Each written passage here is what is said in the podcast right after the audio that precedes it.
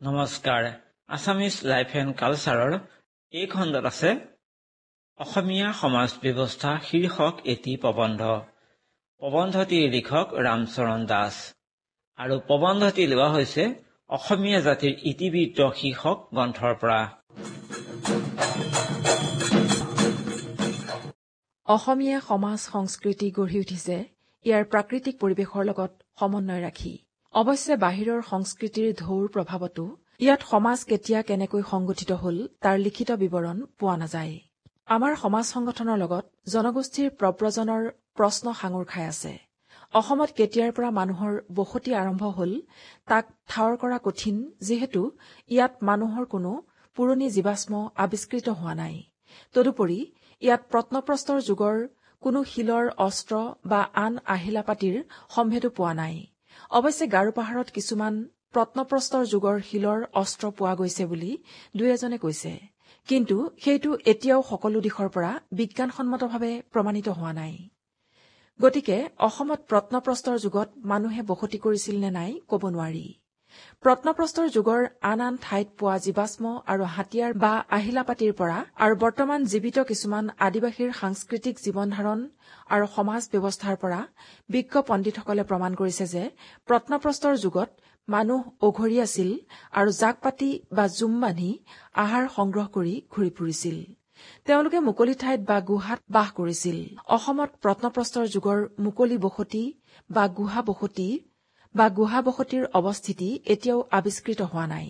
যদি সেই সময়ৰ অসমত মানুহ আছিল তেন্তে তেওঁলোকে আন দেশৰ প্ৰত্নপ্ৰস্তৰ যুগৰ মানুহৰ দৰেই ফল মূল খাই বা পোক পৰুৱা জন্তু আদি মাৰি জীৱিকা নিৰ্বাহ কৰিছিল আৰু কোনো ঠাইতেই স্থায়ীভাৱে বাস নকৰি সৰু সৰু দলত জাক পাতি সৰু সৰু দলত জাক পাতি ঘূৰি ফুৰিছিল।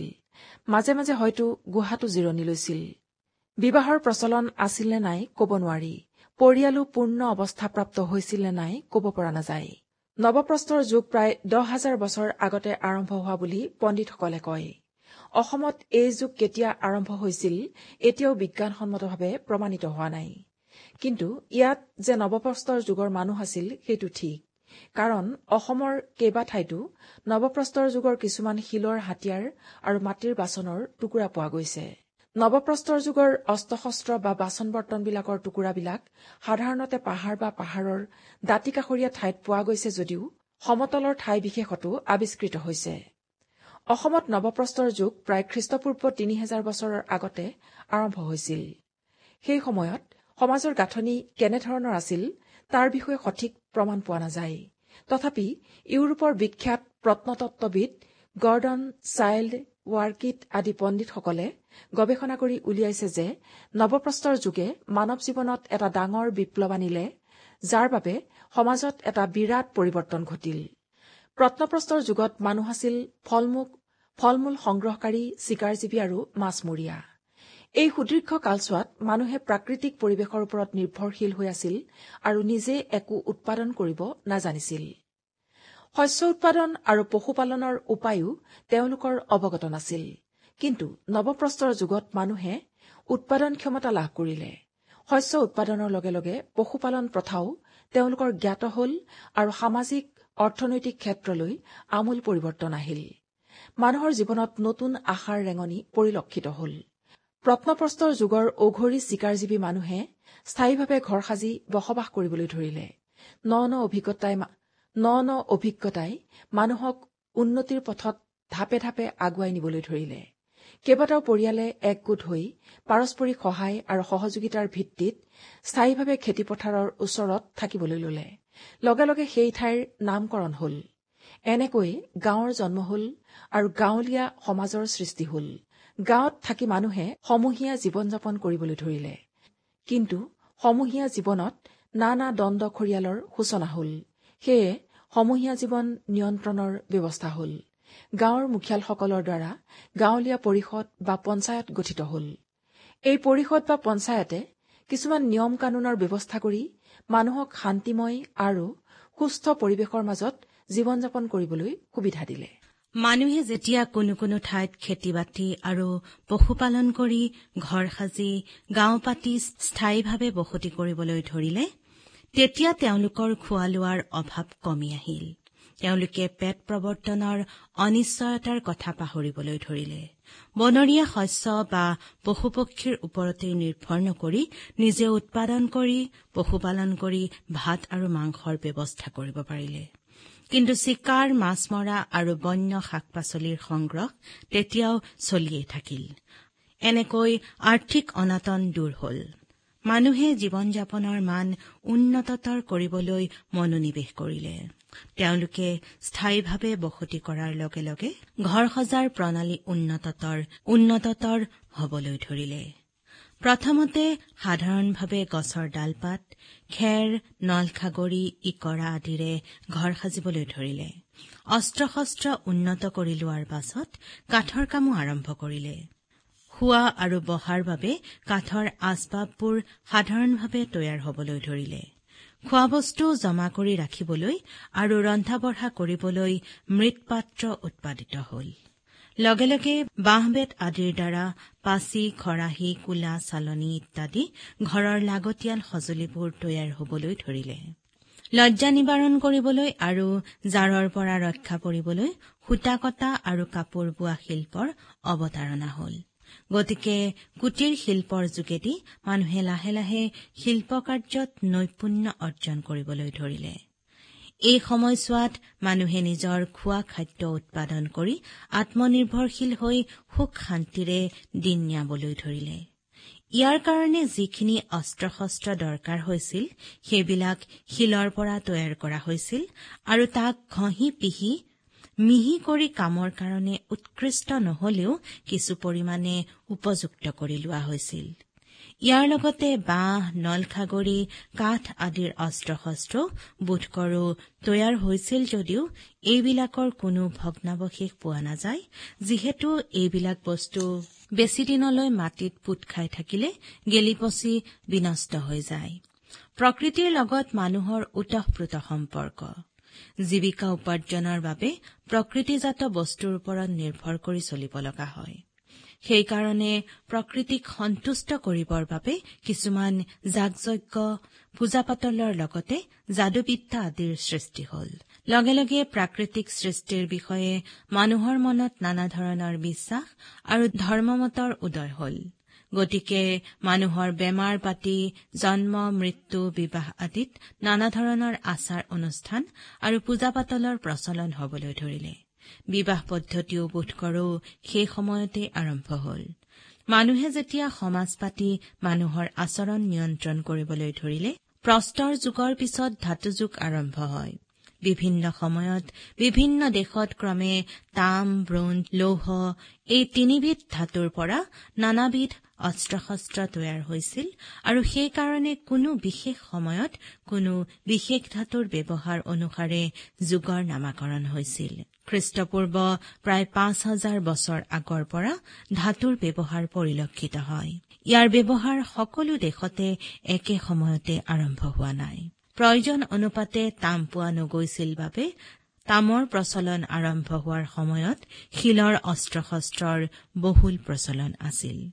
অস্ত্ৰ শস্ত্ৰ তৈয়াৰ কৰাৰ কাৰণে শিল আৰু তামৰ ব্যৱহাৰ সমসাময়িকভাৱে চলি থকাত মানৱ ইতিহাসৰ এই কালছোৱাক তাম্ৰশৈল যুগ বুলি কোৱা হয়। মানৱ সমাজত প্ৰায় দুহেজাৰৰো অধিক কাল ধৰি ব্ৰঞ্জ ধাতুৰ প্ৰাধান্য আছিল।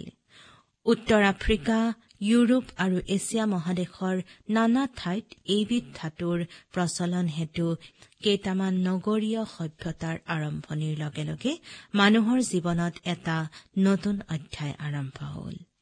পৃথিৱীৰ ইতিহাস অধ্যয়ন কৰিলে দেখা যায় যে পুৰণি কালত নৈৰ পাৰতহে নগৰীয়া সভ্যতাৰ উৎপত্তি আৰু বিকাশ হৈছিল। নীল নদীৰ কাষত প্ৰাচীন মিছৰীয় আৰু ইউফ্ৰেটিছ আৰু টাইগ্ৰেছ নদীৰ পাৰত বেবিলন আৰু এছিৰিয় সভ্যতাৰ উদ্ভৱ হৈছিল। সেইদৰে সিন্ধু উপত্যকাতো নগৰীয়া সভ্যতাৰ উৎপত্তি আৰু বিকাশ হৈছিল। পৰিত্যক্ত মহেঞ্জোদাৰো আৰু হৰপ্পা নগৰদ্বয়ৰ আৱিষ্কাৰে অতীজৰ ভাৰতবৰ্ষত নগৰ সভ্যতাৰ অস্তিত্বৰ প্ৰমাণ কৰিছে। এই দুয়োখন নগৰেই বৰ্তমান পাকিস্তানৰ অন্তৰ্ভুক্ত।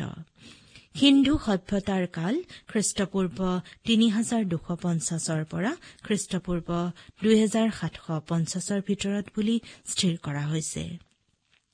এই সভ্যতা যে কেৱল মহেঞ্জোদাৰো আৰু হৰপ্পাতে সীমাবদ্ধ আছিল এনে নহয়। ই বেলুচিস্তানৰ পৰা গংগা উপত্যকালৈকে বিয়পি আছিল বুলি কোনো কোনোৱে কয়।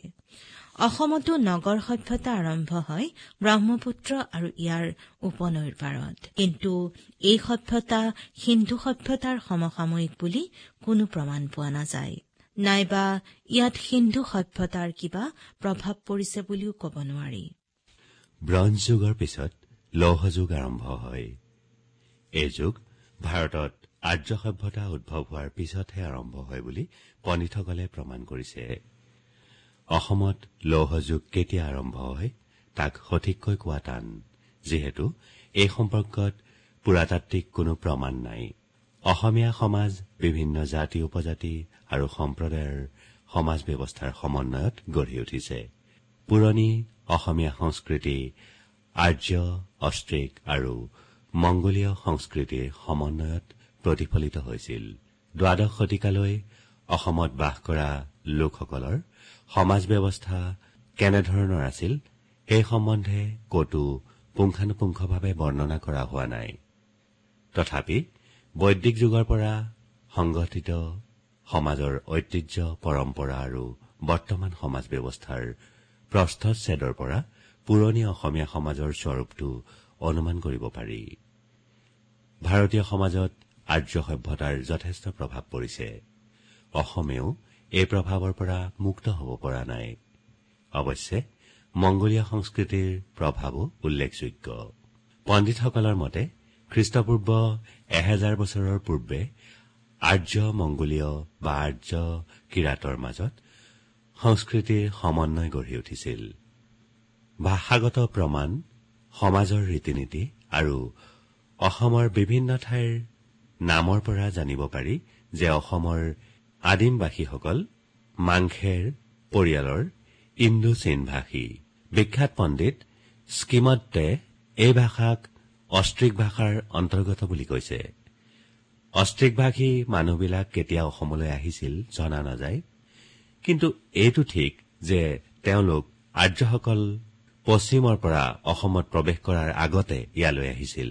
অষ্ট্ৰিক ভাষী মংগোলীয় খাচী আৰু জয়ন্তীয়াসকলৰো অসমীয়া সংস্কৃতি সমৃদ্ধ কৰাত বৰঙণি আছে। খাচী আৰু জয়ন্তীয়া পাহাৰক বাদ দি অসমৰ প্ৰায়বোৰ ঠাইতে তিব্বতধৰ্মী ভাষাভাষী মংগোলীয় লোকসকল সিঁচৰতি হৈ পৰিছিল। সমাজ কিছুমান সৰু ডাঙৰ জনগোটৰ সমষ্টি। অসমীয়া সমাজতো কেতবোৰ সামাজিক গোট আছে। সমাজত আটাইতকৈ সৰু গোট হ'ল পৰিয়াল পৰিবাৰ বা গিৰি। ইয়াৰ কিছুমান সৰু বা ক্ষুদ্ৰ গিৰি আৰু কিছুমান ডাঙৰ গিৰি। সৰু গিৰিবোৰ মাক বাপেক আৰু ল'ৰা ছোৱালীৰে গঠিত। ডাঙৰ গিৰিবোৰ মাক বাপেক ল'ৰা ছোৱালী ভায়েক ভনীয়েক আৰু ল'ৰা বা ছোৱালীৰ পৰিয়ালেৰে গঠিত হয়। ডাঙৰ গিৰিক বৰগিৰি বা জাকৈতাগিৰি বুলিও কোৱা হয়। পৰিয়াল অসমীয়া তথা পৃথিৱীৰ সকলো সমাজতে দেখিবলৈ পোৱা যায়। পৰিয়ালেই সমাজৰ নাভি কেন্দ্ৰ ইয়াক কেন্দ্ৰ কৰিয়েই আন আন সামাজিক গোটৰ সৃষ্টি হৈছে। বৈদিক যুগতো ঘৰ আৰু পৰিয়ালেই সমাজৰ নাভি কেন্দ্ৰ আছিল। প্ৰতিটো সামাজিক গোটৰ একো একোটা স্থায়ী উদ্দেশ্য আৰু এই উদ্দেশ্য সাধন কৰিবলৈ প্ৰত্যেক গোটৰে কিছুমান প্ৰকাৰ্য আছে। পৰিয়ালৰ উদ্দেশ্য হ'ল যৌন সম্পৰ্ক পৰিচালনা কৰা নিজে কৰি খাব নোৱাৰালৈকে সতী সন্ততিৰ ভৰণ পোষণ কৰা শিক্ষা দীক্ষা দিয়া ভৱিষ্যত বংশ ৰক্ষা কৰা ইত্যাদি। পৰিয়ালৰ জৰিয়তে যৌন সম্পৰ্ক নিয়ন্ত্ৰিত নহলে সমাজত ব্যভিচাৰ হোৱাৰ সম্ভাৱনা থাকে। ল'ৰা ছোৱালীক পোহপাল দিব নোৱাৰিলে ভৱিষ্যত বংশধৰৰ অপমৃত্যুত সমাজ বাচি নাথাকিব। সমাজত বৰ্তি থাকিবলৈ হলে ল'ৰা ছোৱালীক সকলো ধৰণৰ যেনে খেতি বাতি কৰা চিকাৰ কৰা মাছ ধৰা জন্তু আৰু শত্ৰুৰ হাতৰ পৰা ৰক্ষা কৰা পূজা পাৰ্বণ উৎসৱ পালন অনুশাসন বিচাৰ পদ্ধতি ইত্যাদি বিষয়ৰ শিক্ষাৰ প্ৰয়োজন হয়। তদুপৰি সামাজিক নীতি নিয়মবোৰো ল'ৰা ছোৱালীক অৱগত কৰোৱা হয় পৰিয়ালৰ জৰিয়তেই। মানৱৰ আৱিৰ্ভাৱৰ লগে লগেই সমাজৰ আৱিৰ্ভাৱ হৈছে। কিন্তু পৰিয়ালৰ অস্তিত্ব মানৱ সমাজৰ পূৰ্বেই হৈছিল বুলি ক'ব পাৰি। কাৰণ ইতৰ প্ৰাণীৰ মাজত পৰিয়ালৰ নমুনা ফটফটীয়াকৈ ওলাই পৰে। পৰিয়াল নহলে কোনো সমাজেই তিষ্ঠি থাকিব নোৱাৰে। তিৰোতাৰ গৰ্ভাৱস্থাত ল'ৰা ছোৱালীৰ কেঁচুৱা অৱস্থাত বাপেকৰ সহায় আৰু সহযোগিতা অত্যন্ত প্ৰয়োজনীয়। সেইদৰে মাক বাপেকৰ বৃদ্ধাৱস্থাত ল'ৰা ছোৱালীয়ে ঘৰখনৰ উত্তৰাধিকাৰী হৈ তেওঁলোকৰ যত্ন ল'ব লগাত পৰে। এইটো উপলব্ধি কৰি আটায়ে দায়িত্ব পালন কৰাৰ কাৰণে পৰিয়াল সুন্দৰভাৱে চলি থাকে। আন আন সমাজৰ নিচিনা অসমীয়া সমাজতো এই দায়িত্ব পৰিলক্ষিত হৈছে। অসমীয়া সমাজৰ পৰম্পৰাৰ পৰা এইটো সহজে অনুমেয় যে অতি পুৰণি কালৰ পৰাই অসমীয়া সমাজত পৰিয়ালৰ অস্তিত্ব আছিল। পৰিয়াল বিভিন্ন প্ৰকাৰৰ আছে যেনে প্ৰাথমিক পৰিয়াল যুগ্ম পৰিয়াল সংযুক্ত পৰিয়াল ইত্যাদি। এজন লোকে যদি কেইবাগৰাকীও তিৰোতা বিয়া কৰায় নাইবা এজনী তিৰোতাই যদি কেইবাগৰাকীও মতা মানুহক বিয়া কৰায় আৰু যদি তেওঁলোকৰ ঔৰসত জন্ম হোৱা ল'ৰা ছোৱালী আৰু তেওঁলোকে নিজে একেলগে বাস কৰে তেন্তে সেই পৰিয়ালক যুগ্ম পৰিয়াল বোলা হয়। যুগ্ম পৰিয়াল দুই প্ৰকাৰৰ। যেনে বহুপতিক যুগ্ম পৰিয়াল আৰু বহুপত্নীক যুগ্ম পৰিয়াল। বহুপতিক যুগ্ম পৰিয়াল অসমীয়া সমাজত দেখিবলৈ পোৱা নাযায় যদিও ভাৰতৰ অন্যান্য ঠাইত এতিয়াও ইয়াৰ প্ৰচলন আছে। বহুপত্নীক যুগ্ম পৰিয়াল বৰ্তমান অসমীয়া সমাজত আছে। পুৰণি কালতো এবিধ পৰিয়াল থকা বুলি বিশ্বাস হয়। কোনো লোকৰ জন্ম পৰিয়াল আৰু প্ৰজনন পৰিয়াল একেলগে থাকিলে সেই পৰিয়ালক সংযুক্ত পৰিয়াল বুলি কোৱা হয়। এই পৰিয়াল পৈতৃক আৱাসস্থানীয় আৰু মাতৃক আৱাসস্থানীয় উভয়ে হ'ব পাৰে। অসমীয়া সমাজত পৈতৃক আৱাসস্থানীয় পৰিয়ালহে দেখা যায়। অৱশ্যে গাৰো আৰু খাচীৰ মাজত মাতৃক আৱাসস্থানীয় পৰিয়াল দেখা যায়। পৈতৃক আৱাসস্থানীয় পৰিয়ালত বিবাহৰ পিছত ছোৱালীয়ে স্বামীৰ ঘৰত থাকে আৰু মাতৃক আৱাসস্থানীয় পৰিয়ালত স্বামীয়ে স্ত্ৰীৰ ঘৰলৈ গৈ জীৱন যাপন কৰে।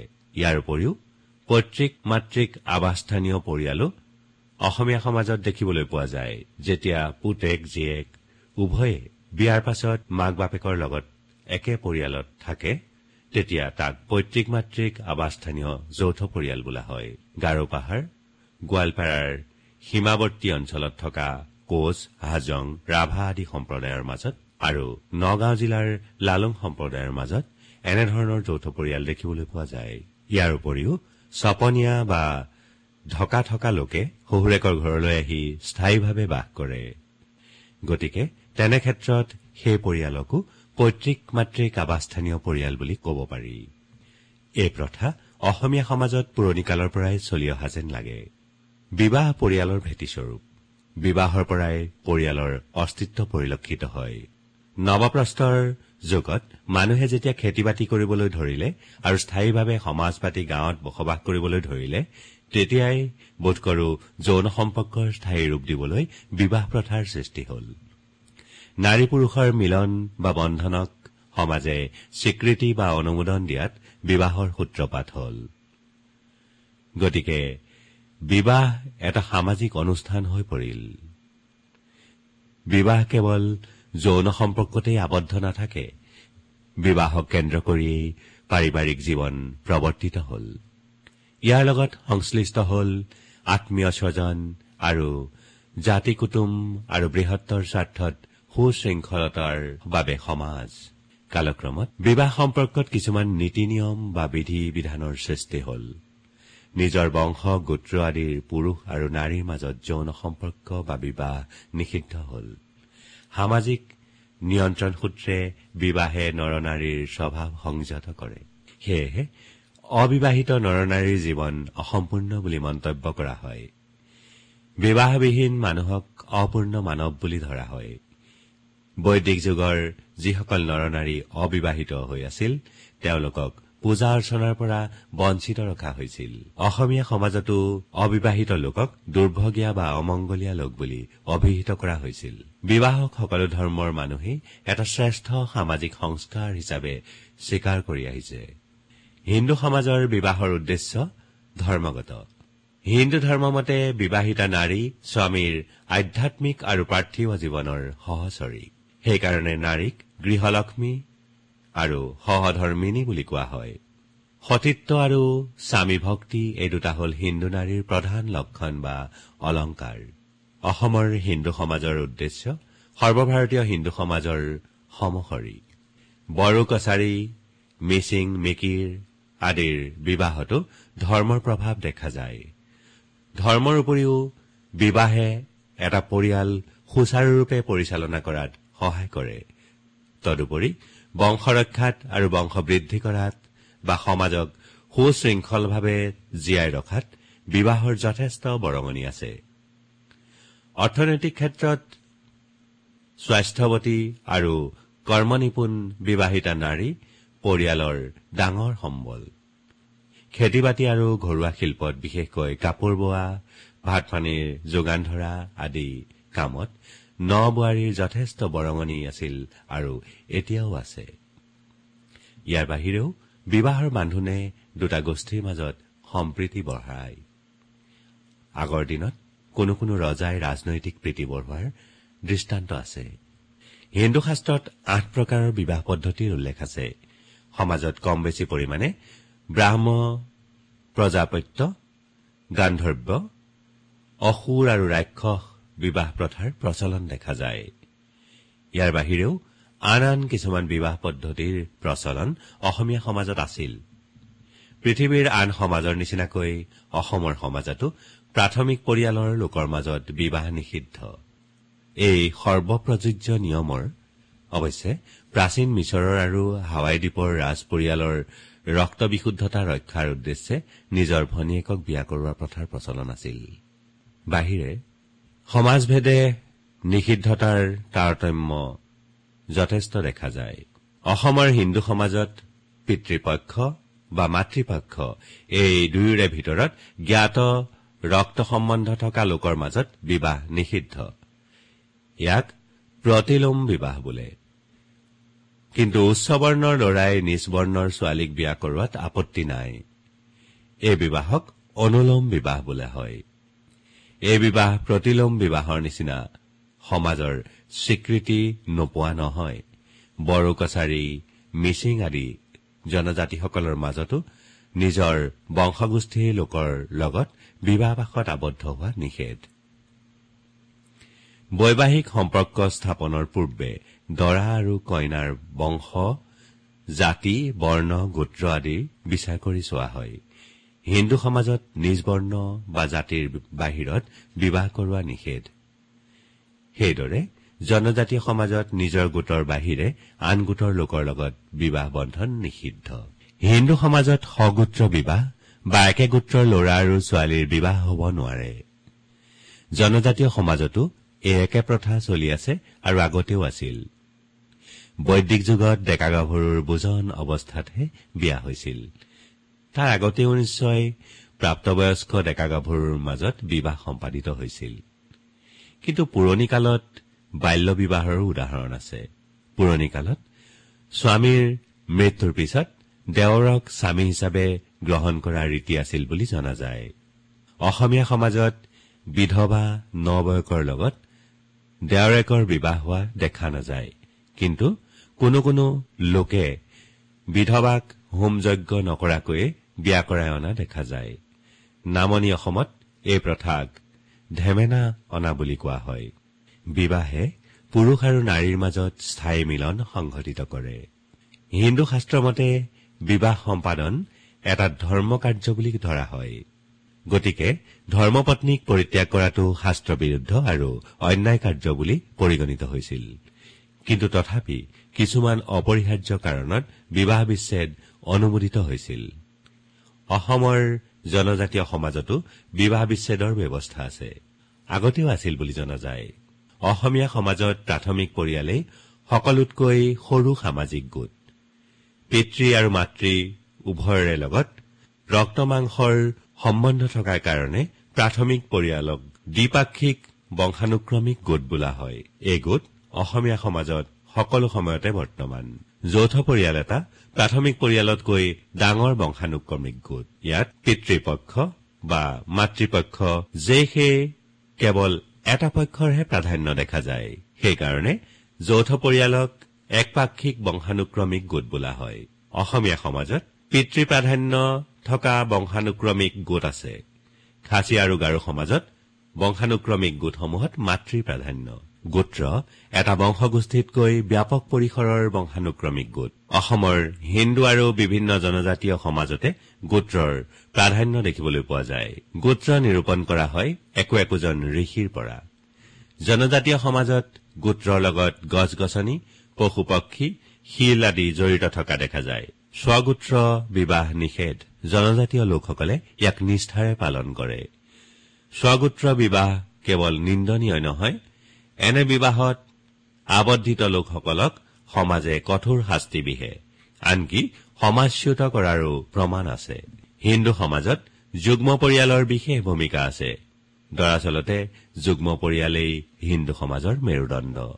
এই পৰিয়ালৰ লোকসকলে সপিণ্ড অৰ্থাৎ প্ৰত্যক্ষ ৰক্তমাংসৰ সম্বন্ধৰ জৰিৰে বান্ধ খাই আছে।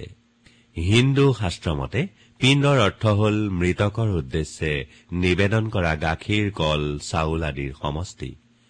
সপিণ্ড তথ্যৰ দুটা দিশ আছে যেনে মৃতাক্ষৰ আৰু দায়ভাগ। দায়ভাগৰ ওপৰত ভিত্তি কৰি উত্তৰাধিকাৰী স্বত্ব নিৰূপণ কৰা হয়। দায়ভাগৰ বিধিমতে মাটি সম্পত্তিৰ ওপৰত পিতৃৰ সম্পূৰ্ণ স্বত্ব থাকে। পিতাকৰ মৃত্যুৰ পিছত উত্তৰাধিকাৰী সূত্ৰে পুত্ৰসকলে সমানে তেওঁৰ সম্পত্তিৰ ভাগ ল'ব পাৰে। তথাপি জ্যেষ্ঠ পুত্ৰক অলপ বেছিকৈ সম্পত্তিৰ ভাগ দিয়াৰ দৃষ্টান্ত আছে কাৰণ তেওঁ পিতাকৰ পাছত পৰিয়ালৰ দায়িত্ব গ্ৰহণ কৰিব লগা হয়। মৃতাক্ষৰ প্ৰথমতে পৰিয়ালত জন্মগ্ৰহণ কৰাৰ লগে লগে সকলো পুত্ৰই পৰিয়ালৰ সম্পত্তিৰ অধিকাৰী হয়। মৃতাক্ষৰ মতে পুত্ৰসকলৰ জন্মগত স্বত্ব নাথাকে। পুত্ৰৰ ব্যৱহাৰত অসন্তুষ্ট হলে পিতাকে পুত্ৰক ত্যাগ কৰিব পাৰে। তেতিয়া সেই পুত্ৰক ত্যায্য পুত্ৰ বুলি কোৱা হয়। কোনো পুত্ৰই ইচ্ছা কৰিলে পিতাকৰ পৰা বেলেগ হৈ থাকিব পাৰে। পিতাকে দয়াপৰৱশ হৈ তেওঁক সম্পত্তিৰ ভাগ দিবও পাৰে। ককাই ভাইসকলে ইচ্ছা কৰিলে পৈতৃক সম্পত্তি ভাগ কৰি বেলেগে বেলেগে থাকিব পাৰে। আগৰ দিনত অসমীয়া সমাজত নাৰীৰ স্থান বা পদমৰ্যাদা পুৰুষতকৈ উচ্চ বা গৌণ আছিল বুলি একে কথাতে কব নোৱাৰি। ঋক বৈদিক যুগত বাল্য বিবাহৰ প্ৰচলন নাছিল। যৌৱনপ্ৰাপ্ত হোৱাৰ পিছতহে ল'ৰা ছোৱালীয়ে বিবাহবাসত আবদ্ধ হৈছিল। ল'ৰা ছোৱালীয়ে নিজে নিজে পাত্ৰ পাত্ৰী বাছি ল'ব পাৰিছিল। দেউতাক বা ককায়েকৰ অনুমোদনৰ প্ৰয়োজন আছিল নে নাই সেই বিষয়ে কোনো উল্লেখ নাই। সমাজৰ ৰীতি অনুসাৰে নাৰীয়ে বিবাহৰ পাছত স্বামীৰ ঘৰলৈ আহিছিল। কিন্তু তথাপি স্বামীৰ ঘৰত নাৰীৰ কৰ্তৃত্ব কম নাছিল। নাৰীক যাগ যজ্ঞত অংশগ্ৰহণ কৰিবলৈ দিয়া হৈছিল। কিন্তু মৃতকৰ প্ৰেতকৰ্মৰ দায়িত্ব পুৰুষৰহে আছিল। সন্তানবিহীন বিবাহিতা নাৰীক ল'ৰা সন্তানৰ মাক নোহোৱালৈকে দেৱৰেকৰ লগত সহবাস কৰিবলৈ অনুমতি দিয়া হৈছিল। বিধৱা বিবাহৰো প্ৰচলন আছিল। বহুপত্নী বিবাহ সাধাৰণতে ৰাজন্যবৰ্গৰ মাজতহে প্ৰচলিত আছিল। নাৰীসকলে সামাজিক নৈতিকতাৰ ওচৰত মূৰ দুৱাইছিল আৰু মুকলিমূৰীয়াভাৱে ঘূৰি ফুৰাত কোনো বাধাৰ সন্মুখীন হোৱা নাছিল। বৈদিক যুগৰ শেষৰ ফালে নাৰীক অৰ্ধাংগিনী বুলি কোৱা হৈছিল যদিও নাৰীয়ে ৰাজনীতিত যোগ দিব নোৱাৰিছিল। সেই সময়ত পূজা পাৰ্বণ সম্পাদন কৰিবলৈ পুৰোহিত নিয়োজিত হৈছিল। ছোৱালীতকৈ ল'ৰাৰ সমাদৰ আছিল। উচ্চতৰ জাতিৰ পুৰুষে নিম্নতৰ জাতিৰ নাৰীক বিয়া কৰাব পাৰিছিল যাক অনুলোম বিবাহ বুলি কোৱা হৈছিল। কিন্তু উচ্চতৰ জাতিৰ নাৰীয়ে নিম্নতৰ জাতিৰ পুৰুষৰ লগত বিবাহ বন্ধনত লিপ্ত হ'ব নোৱাৰিছিল। এনেকুৱা বিবাহক প্ৰতিলোম আখ্যা দিয়া হৈছিল। বহু বিবাহৰ প্ৰচলন আছিল। গতিকে বৈদিক যুগৰ শেষৰ ফালে নাৰীৰ পদমৰ্যাদাৰ কিছু লাঘৱ হৈছিল। বৈদিক সমাজৰ নিচিনা প্ৰাচীন অসমীয়া সমাজতো এই প্ৰথাবোৰ চলিছিল আৰু এতিয়াও চলি আছে। বৈদিক যুগত ভাৰতীয় সামাজিক জীৱন বৰ্ণাশ্ৰম ধৰ্মৰ ওপৰত ভিত্তি কৰি গঢ় লৈছিল। ইয়াৰ প্ৰভাৱ অসমৰ ওপৰতো পৰিছিল। ভাৰতলৈ আৰ্যবিলাক অহাৰ পাছত কৰ্ম অনুসৰি সমাজক চাৰিটা বৰ্ণ ব্ৰাহ্মণ ক্ষত্ৰিয় বৈশ্য আৰু শূদ্ৰত বিভক্ত কৰা হৈছিল। জাতিভেদ প্ৰথা নানা কাৰণবশতঃ সমাজত প্ৰৱৰ্তিত হল। বংশানুক্ৰম বৈবাহিক সম্বন্ধ আৰ্থিক ব্যৱস্থা ধৰ্ম ভৌগোলিক অৱস্থিতি ৰাজনীতি আদিৰ ক্ৰিয়া প্ৰক্ৰিয়াৰ দ্বাৰা সমাজত বিভিন্ন উচ্চ নিচ জাতিৰ অৱতাৰণা হল। জন্মগত জাতিৰ সৃষ্টি হল। সমাজৰ প্ৰত্যেক জাতিৰ মানুহৰ মনত বিভেদৰ মনোভাৱে খোপনি পুতিলে আৰু ইয়াৰ বাবে সমাজত নানা ধৰণৰ প্ৰতিক্ৰিয়া হল। এতিয়ালৈকে এই জাতিভেদৰ বীজ মুখীমূৰ হোৱা নাই। বৰ্ণাশ্ৰম প্ৰথাৰ প্ৰচলন কালত বৰ্ণ বংশানুক্ৰমে প্ৰৱৰ্তিত হোৱা নাছিল। তেতিয়া কৰ্ম অনুসাৰে বৰ্ণ নিৰ্ণিত হৈছিল আৰু সমাজখন সুশৃংখলভাৱে চলি আছিল। কিন্তু পাছত জাতিভেদৰ তাৰণাত সমাজত নানা ধৰণৰ শ্ৰেণীবিভাগ হল যাৰ কাৰণে সমাজ ৰুগ্ন হৈ পৰিল। যিসকল লোকে সমাজত বিশেষ অধিকাৰ বা স্বত্ব ভোগ কৰি আছিল বা বিশেষ স্থানত অধিষ্ঠিত হৈ আছিল তেওঁলোকৰ উচ্চমন্যতাই জাতিভেদক কটকটীয়া কৰি পেলাইছিল। হিন্দু সমাজৰ পৰম্পৰাগত ধৰ্ম পুৰণি অসমতো প্ৰতিপালিত হৈছিল বুলি জনা যায়। নগাঁও অনুদান অনুলেখ মতে ৰজা ভগদত্তই বৰ্ণাশ্ৰম ধৰ্মৰ পৃষ্ঠপোষকতা কৰিছিল। সেইদৰে নিধনপুৰ অনুদানফলিতো উল্লেখ কৰা হৈছিল যে সমাজত আশ্ৰম ধৰ্মবোৰ নিগাজিকৈ পুনৰ স্থাপন কৰিবলৈ ভাস্কৰ বাৰ্মাক সৃষ্টি কৰা হৈছিল। জানিব পৰা গৈছে যে ইন্দ্ৰপাল ৰজাৰ ৰাজত্বৰ সময়তো চতুৰ্বৰ্ণাশ্ৰমবোৰ যথাবিহিতভাৱে পালন কৰা হৈছিল। কালক্ৰমত বৰ্ণৰ অন্তৰ্নিহিত অৰ্থৰ পৰিৱৰ্তন ঘটিল। জাতিয়ে ইয়াৰ পৰিৱৰ্তে মূৰ দাঙি উঠিল। ব্যৱসায় বা জীৱিকা অনুসাৰে নানা জাতিৰ উদ্ভৱ হল। ৰিজলেৰ মতে জনজাতি প্ৰজাতি আৰু ধৰ্মৰ ভিত্তিতো নানা নতুন নতুন জাতিৰ উদ্ভৱ হল। হিন্দুৰ অনুলোম আৰু প্ৰতিলোম বিবাহৰ কাৰণত বোধকৰো কিছুমান নতুন নতুন জাতিৰ সৃষ্টি হল। অসমত জাতিভেদ প্ৰথাৰ প্ৰচলন কেতিয়াৰ পৰা আৰম্ভ হল তাক সঠিককৈ কোৱা টান। কিন্তু আৰ্যসকলৰ প্ৰভাৱত যে এই প্ৰথাই গজালি মেলিলে সেইটো ঠিক। অৱশ্যে অনাৰ্যসকলৰো ইয়াত যথেষ্ট বৰঙণি আছে। কাৰণ আৰ্য আৰু অনাৰ্যৰ সংস্পৰ্শত নানা নতুন নতুন জাতিৰ সৃষ্টি হৈছিল। পঞ্চম শতিকাৰ শেষৰ ফালে ভাৰতবৰ্ষত গুপ্ত বংশৰ ৰাজপ্ৰভাৱৰ ওৰ পৰে। কিন্তু সেই সময়ত উত্তৰ পূব ভাৰতত অৱস্থিত কামৰূপৰ ৰজাৰ যথেষ্ট প্ৰতিপত্তি আছিল। তেতিয়াৰ কামৰূপৰ ৰজাৰ ধৰ্মৰ প্ৰতি আগ্ৰহ আছিল আৰু ধৰ্মৰ চৰ্চাৰ পৃষ্ঠপোষকতাও কৰিছিল। ধাৰ্মিক আৰু বিদ্বান লোকসকলক ৰজাই সন্মান প্ৰদৰ্শন কৰিছিল আৰু তেওঁলোকৰ পোহপালৰো দিহা কৰিছিল। সেইকাৰণে ভাৰতৰ মধ্যপ্ৰদেশৰ পৰা বহুতো ব্ৰাহ্মণে কামৰূপৰ ৰজাৰ গুণমুগ্ধ হৈ কামৰূপ ৰাজ্যলৈ প্ৰব্ৰজন কৰিছিল। নিধনপুৰ অনুদান অনুলেখত পোৱা যায় যে ব্ৰাহ্মণসকলে যাতে নিশ্চিতভাৱে ধৰ্ম আৰু বিদ্যা চৰ্চাত মনোনিৱেশ কৰিব পাৰে তাৰ বাবে ৰজাই ব্ৰাহ্মণসকলক অগ্ৰহাৰ গাঁওদান দি তেওঁৰ ৰাজ্যত সুশৃংখলভাৱে বহুৱাবলৈ আঁচনি লৈছিল। আন আন ফলি কিছুমানতো ৰজাই ব্ৰাহ্মণসকলৰ প্ৰতি আগবঢ়োৱা মাটি বিত্ত দানৰ উল্লেখ পোৱা যায়। ৰজাই এনেধৰণেৰে ধৰ্ম আৰু বিদ্যাৰ গুৰি ধৰাৰ কাৰণে কামৰূপত অন্য দেশৰ পৰা অহা বহু ব্ৰাহ্মণৰ সমাৱেশ হৈছিল। কিন্তু উত্তৰ ভাৰতত বৌদ্ধ ধৰ্মৰ জোৱাৰ কমাৰ লগে লগে কিছুমান ব্ৰাহ্মণে কামৰূপৰ পৰা পশ্চিমৰ ফালে গতি কৰিলে খাদ্য পানীয় অসমৰ লোকৰ প্ৰাচীন খাদ্যদ্ৰব্য এতিয়াৰ দৰে ভাতহে আছিল।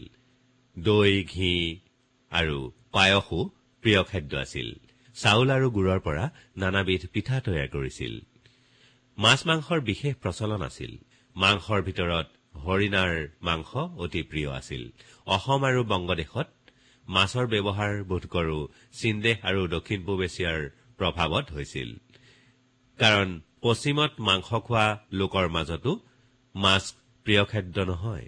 যোগিনীতন্ত্ৰৰ বিৱৰণ মতে সাপাকৃতিৰ মাছ বাকলি নোহোৱা মাছ আৰু বোকাত থকা মাছ উচ্চ বৰ্ণৰ লোকে নাখাইছিল।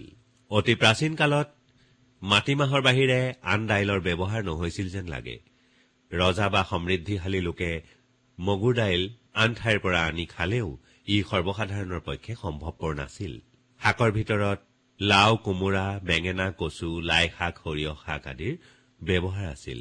পানীয়ৰ ভিতৰত চাউলৰ পৰা কৰা মদ লাও পানীৰ ব্যৱহাৰ আছিল।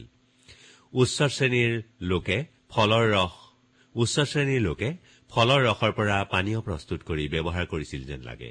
প্ৰায়চিত্ৰ বিধানত মদৰ উল্লেখ থকা কাৰণে এইটো বুজিব পাৰি যে মদ খোৱা নিষিদ্ধ থাকিলেও মদৰ ব্যৱহাৰ আছিল। অসমত খাৰৰো ব্যৱহাৰ আছিল। সাধাৰণতে কলৰ গছ পুৰি খাৰ কৰা হৈছিল। ৰাজ কৰ্মচাৰী আৰু ধনী লোকসকলে সাধাৰণতে সোণ আৰু ৰূপৰ বাচন বৰ্তন ব্যৱহাৰ কৰিছিল। সৰ্বসাধাৰণে মাটিৰ বাচন কলপাত ব্যৱহাৰ কৰিছিল। বস্ত্ৰ অলংকাৰ। আগৰ দিনত দৰ্জীয়ে চিলাই কৰা চোলাৰ ব্যৱহাৰ নাছিল। ৰাজপুৰুষ বা দাদাঙৰীয়াসকলে টুকুৰা কাপোৰ চোলাৰ দৰে গাত মেৰিয়াই ফিটা মাৰি লৈছিল। তেওঁলোকে চামৰাৰ জোতা আৰু শিৰস্ত্ৰাণ বা পাগুৰি পৰিধান কৰিছিল। সৰ্বসাধাৰণে ঘৰত কাঠৰ পাদুকা ব্যৱহাৰ কৰিলেও বাহিৰত জোতা পিন্ধি ফুৰা নাছিল। উচ্চ শ্ৰেণীৰ লোকে ৰেচম বা পাত কাপোৰ ব্যৱহাৰ কৰিছিল। কিন্তু সাধাৰণ লোকেও এৰী আৰু মুগাৰ কাপোৰ ৰাখিছিল। যদিও সাধাৰণ পোছাক কপাহী মোটা আঁঠুমূৰীয়া চুৰিয়া আৰু গামোচাহে আছিল। অসমৰ মাইকী মানুহে মেখেলা পিন্ধিছিল। মেখেলা সাধাৰণতে বুকুৰ ওপৰৰ পৰা পিন্ধা হৈছিল। বিবাহিতা তিৰোতাই উৰণি বা চাদৰ শিৰত সেন্দুৰ লৈছিল। অৱস্থাপন্ন লোকৰ ঘৰত ৰিহাৰো ব্যৱহাৰ আছিল। মতা তিৰোতা সকলোৱে চুলি ৰাখিছিল। মাতৃ পিতৃ হানি চূড়াকৰণ আদিৰ বাহিৰে মুণ্ডন কৰা নহৈছিল। অৱস্থাপন্ন ঘৰৰ নাৰীয়ে প্ৰসাধনত কৰ্পূৰ আৰু অগৰু ব্যৱহাৰ কৰিছিল। মূৰ ফনিয়াবৰ বাবে হাতীদাঁতৰ ফণী ব্যৱহাৰ কৰিছিল। সাধাৰণতে অলংকাৰ ৰূপৰহে আছিল যেন লাগে। ৰজাঘৰৰ বাহিৰে আনে সোণ ব্যৱহাৰ কৰাৰ সুবিধা নাপাইছিল। কৰিও অলংকাৰ হিচাপে ব্যৱহাৰ কৰা হৈছিল। খেলা ধূলাৰ ভিতৰত পাশা খেলেই প্ৰধান আছিল। মুক্ত পথাৰৰ খেলৰ ভিতৰত কুস্তি ধেনুকাৰ মৰা সাঁতোৰা আদিয়ে প্ৰধান আছিল। দেশৰ প্ৰধান উৎসৱেই আছিল ৰাজ অভিষেক। ৰজাৰ আদেশ মতে মঠ মন্দিৰত মেলা আদিও বহিছিল। ৰজাই কৰা যজ্ঞও অতি আকৰ্ষণীয় আছিল। সৰ্বসাধাৰণৰ বিবাহ এটা ডাঙৰ উৎসৱ আছিল। খেতি উঠাৰ পিছত এতিয়াৰ মাঘ বিহুৰ দৰে তেতিয়াৰ খেতি উঠা উৎসৱ হৈছিল। এই উৎসৱ বা সেই উপলক্ষে হোৱা মেলা আদিত বেহা বেপাৰৰ সুবিধাও হৈছিল। অসমীয়া সমাজ ব্যৱস্থা। এই শীৰ্ষক প্ৰবন্ধটি শুনিলে। প্ৰবন্ধটিৰ লিখক আছিল ৰামচৰণ দাস আৰু প্ৰবন্ধটি লোৱা হৈছিল অসমীয়া জাতিৰ ইতিবৃত্ত শীৰ্ষক গ্ৰন্থৰ পৰা। আজিৰ খণ্ড ইমানতে সামৰিছো। নমস্কাৰ।